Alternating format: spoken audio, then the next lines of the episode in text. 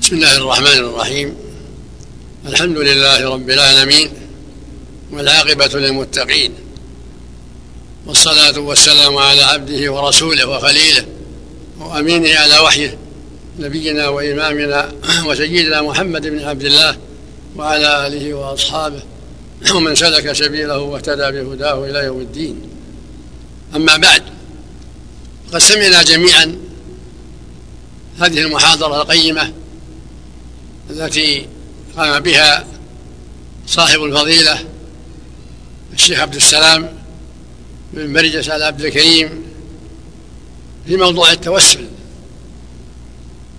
وقد أجاد وأفاد وأوضح ما ينبغي إيضاحه فجزاه الله خيرا وضاعف مثوبته وزادنا وإياكم وإياه علما وهدى وتوفيقا.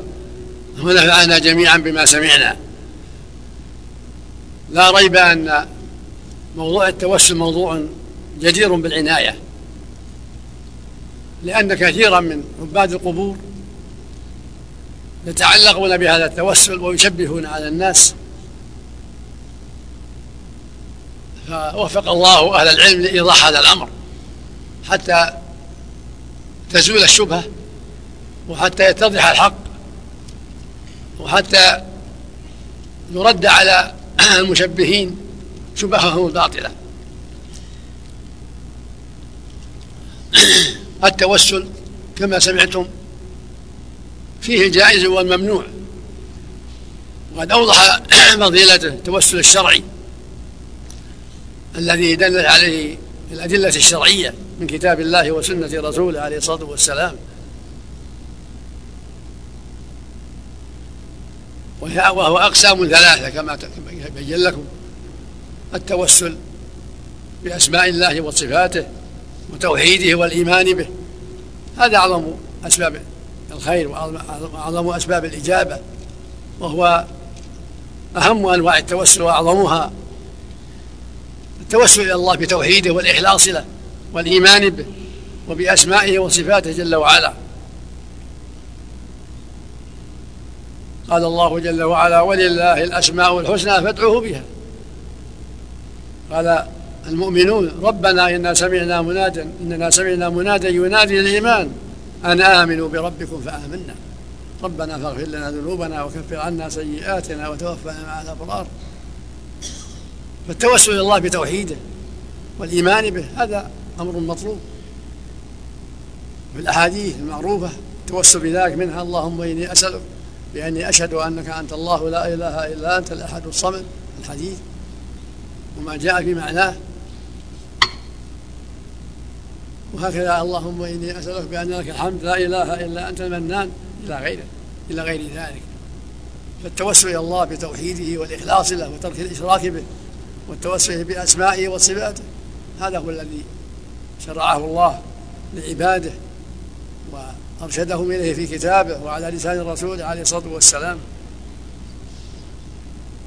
ثم نوع آخر ثاني وهو التوسل من الله بالأعمال الصالحات بأعمال العبد كما في قصة أهل الغار وكما في دعاء المؤمنين ربنا إذا سمعنا مناديا ينادي أن آمنوا بربكم أن آمنوا بربكم فآمنا. توسلوا بإيمانهم وهو عمل عظيم وهو العمل الصالح أعظم الأعمال.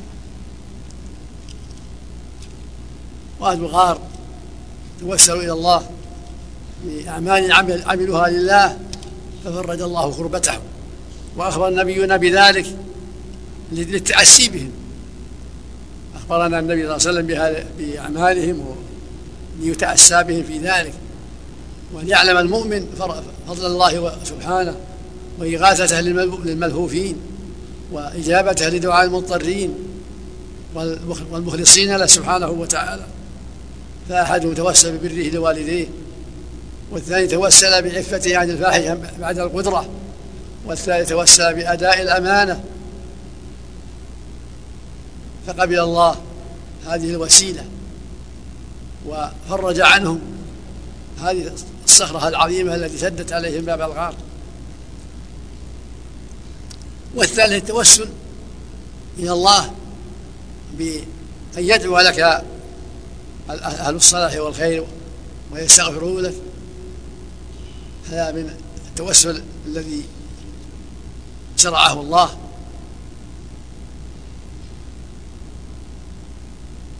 فيقول المؤمن لأخيه المؤمن استغفر لي مثل ما قال أولاد يوسف يوسف ليعقوب.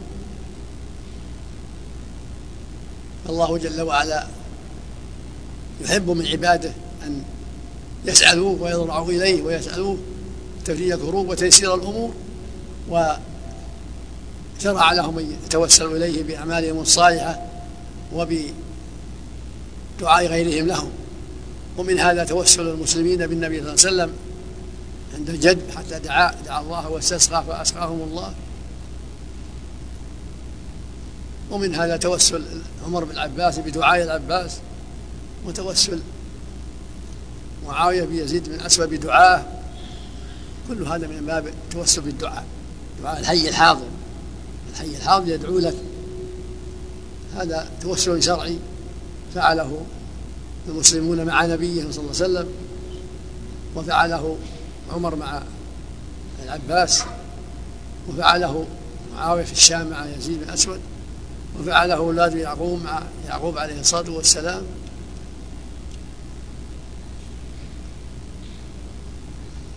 وفي الصحيح أن الرسول قال إنه يقدم عليكم شخص من اليمن يقال ويس القرني كان برا بأمه فمن لقيه منكم فليطلب منه الاستغفار. أو كما قال عليه الصلاة والسلام. وبين وفقه الله في هذه المحاضرة ما يتعلق به بعض المشبهين في قصة الأعمال التي طلب من النبي صلى الله عليه وسلم أن يدعو له. وهذا من التوسل بالدعاء الذي هو الجائز ليس فيه بأس. فإن الأعمى طلب من النبي يشفع له وأن يدعو له فأمره النبي فيتوضأ ويصلي ركعتين ويسأل ربه أن الله يقبل شفاعة محمد صلى الله عليه وسلم فيه.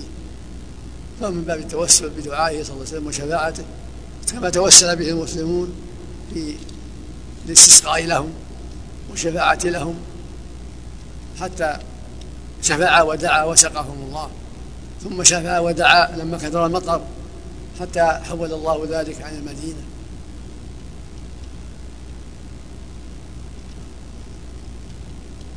أما التوسل الممنوع قد بين في المحاضرة هو التوسل بذوات بالذوات أو بالأموات هذا هو هو المنكر.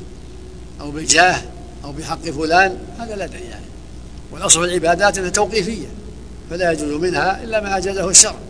فالتوسل بجاه فلان أو حق فلان أو بذات فلان هذا بدعة لا أصل له. ومن وسائل الشرك.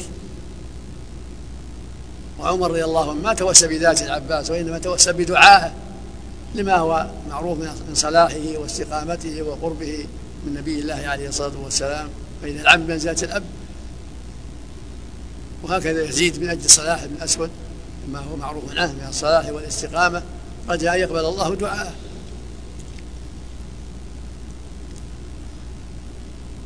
التوسل بجاه فلان أو بذات فلان أو بحق فلان من البدع التي ما أنزل الله بها من سلطان ومن وسائل الغلو في الشخص. فلهذا أوضح أهل العلم أنه لا يجوز. وما يذكر من عن بعض الأعراب أنه أتى قبر النبي صلى الله عليه وسلم واستشفع به. هي حكاية باطلة ولا حجة فيها لو لو صحت وهي حكاية باطلة. وعمل الأعرابي لا حجة فيه. والحجة والحكاية باطلة لا أساس لها كما بين أهل العلم. وقوله جل وعلا ولو أنهم ظلموا أنفسهم جاءوك يعني في حياته صلى الله عليه وسلم. هكذا فهم الصحابة. في حياته يأتون إليه ويستغفر لهم عليه الصلاة والسلام. ويدعو لهم. أما بعد الموت فلم يكونوا يأتون إلى قبره يسألونه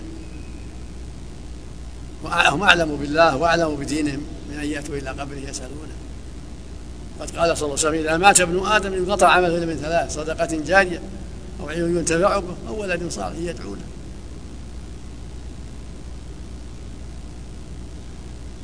والمسلمون مأمورون بأن يصلوا عليه عليه الصلاة والسلام وله مثل أجورهم له مثل أجور الأمة. لأنه الداعي إلى الله. من دل على خير فله مثل أجر فاعله فله مثل أجورنا مثل أجور الأمة كلها.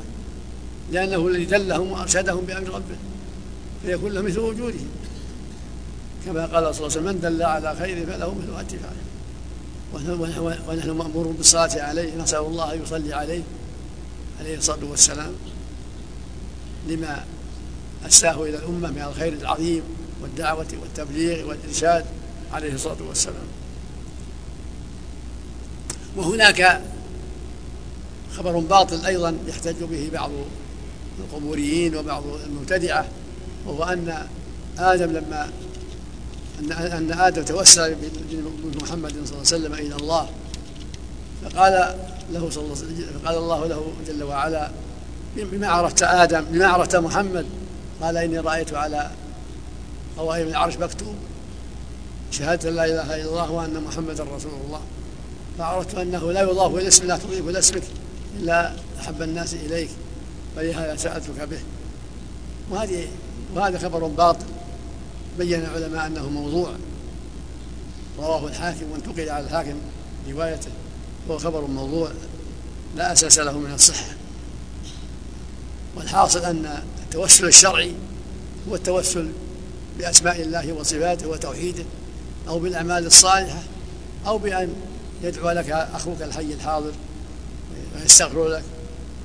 هذا لا بأس به كما جرى للصحابة مع نبيهم صلى الله عليه وسلم وكما أرشد إليه النبي صلى الله عليه وسلم في قصة أويس وكما يروى عن عمر أنه كما يروى عن أنه قال لعمر لما أراد عمرة لا تنسى يا أخي من دعائك وإن كان في سنده بعض المقال وكما فعل أولاد يعقوب. عليه الصلاة والسلام مع أبيهم وطلبوا منه أن يستغفر لهم. هذه المسألة من أهم المسائل وقد أوضحها فضيلة المحاضر الشيخ عبد السلام وبين لكم الآن المزيد من ذلك ليكون الأمر واضحا جدا وليعلم المؤمن أن ما يروجه القبوريون ودعاة الأموات والمستغيثون بالأموات أنه باطل. أما دعاء الميت والاستغاثة الميت فهذا الشرك الأكبر. من يقول يا رسول الله انصرني أو اشفع لي أو اغفر لي أو اشفي مريضي هذا الشرك الأكبر. أو إلى يأتي أو يدعو الأموات الآخرين أو الأصنام أو النجوم أو الجنة هذا هو الشرك الأكبر. كما قال الله سبحانه ولا تدعو من دون الله ما لا ينفعك فإن فعلت فإنك إذا من الظالمين. يعني المشركين قال تعالى وأن مساجد الله فلا تدعو مع الله أحدا. قال سبحانه من يدعو مع الله إلها آخر لا برهان فإنما حسابه عند ربه إنه لا يفلح الكافرون. سمى كافرا. قال جل وعلا ذلكم الله ربكم له الملك. والذين تدعون من دونه ما يملكون من قطمين هذه عم الأنبياء وغيرهم. والذين تدعون من دونه ما يملكون من قطمين إن تدعوهم لا يسمعوا الدعاء. ولو سمعوا ما استجابوا لكم. ويوم القيامة يكفرون بشرككم. سماه شركا. سمى دعاءهم إياهم شركا ولا ينبئك مثل خبير. فالله جل وعلا شرع لعباده أن يدعوه وأن يستغيثوه ويطلبوا حاجاتهم ونهاهم أن يدعوا غيره وأن يتعلقوا بغيره. وهذا شرك المشركين. شرك عباد القبور شرك أبي جهل وعتبة بن ربيعه وغيرهم. هو دعاء الأموات والاستغاثة بالأموات وبالأحجار ونحوه والملائكة والأنبياء. هذا شركهم. هذا كفرهم الذي كانوا عليه. وبعث الله نبيه محمد ينهاهم عن ذلك وينذرهم من ذلك. وهكذا بعث الرسل جميعا ينذرون أممهم من هذا الشرك العظيم ويدعونهم إلى تركه ويأمرونهم بإخلاص العبادة لله وحده. ولما قال لهم النبي صلى الله عليه وسلم قولوا لا إله إلا الله قالوا أجعل الآلهة اله واحدا إن هذا لشيء عجاب المقصود أن هذا هو شرك المشركين. دعوة الأموات أو الملائكة أو الأنبياء أو الجن أو الأصنام أو النجوم هذا هو الشرك الاولي وهذا هو الشرك الأكبر. المناقض لكلمة التوحيد لا إله إلا الله. والمناقض لما جاءت به الرسل عليهم الصلاة والسلام.